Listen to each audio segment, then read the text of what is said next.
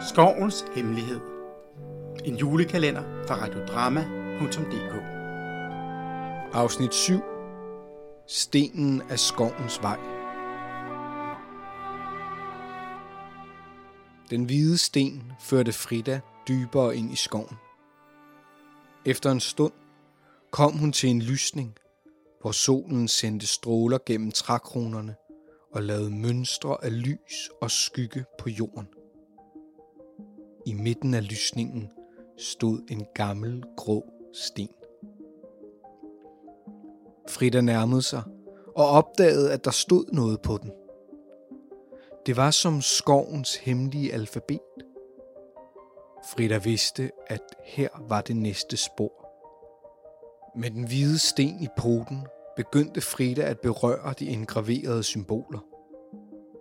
Hver gang hun rørte ved et, begyndte at sende stråler af lys.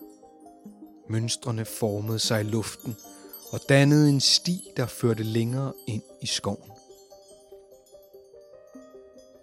Frida fulgte den lysende sti og kom snart til en smuk krystalgrotte, hvor smaragdgrønne klipper dannede selvlysende formationer.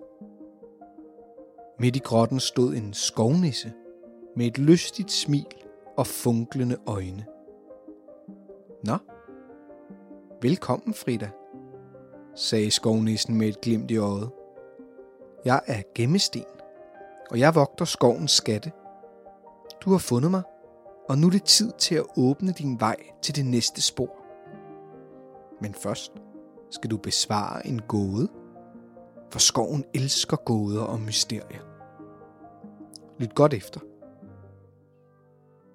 Jeg er ikke en dør, men jeg kan åbne den. Jeg er ikke en lås, men jeg kan den låse op. Hvad er jeg? Frida tænkte sig godt om.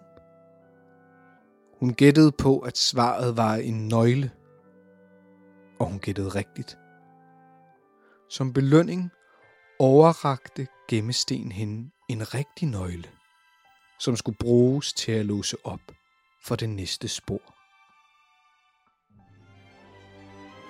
Du har lyttet til Skovens Hemmelighed.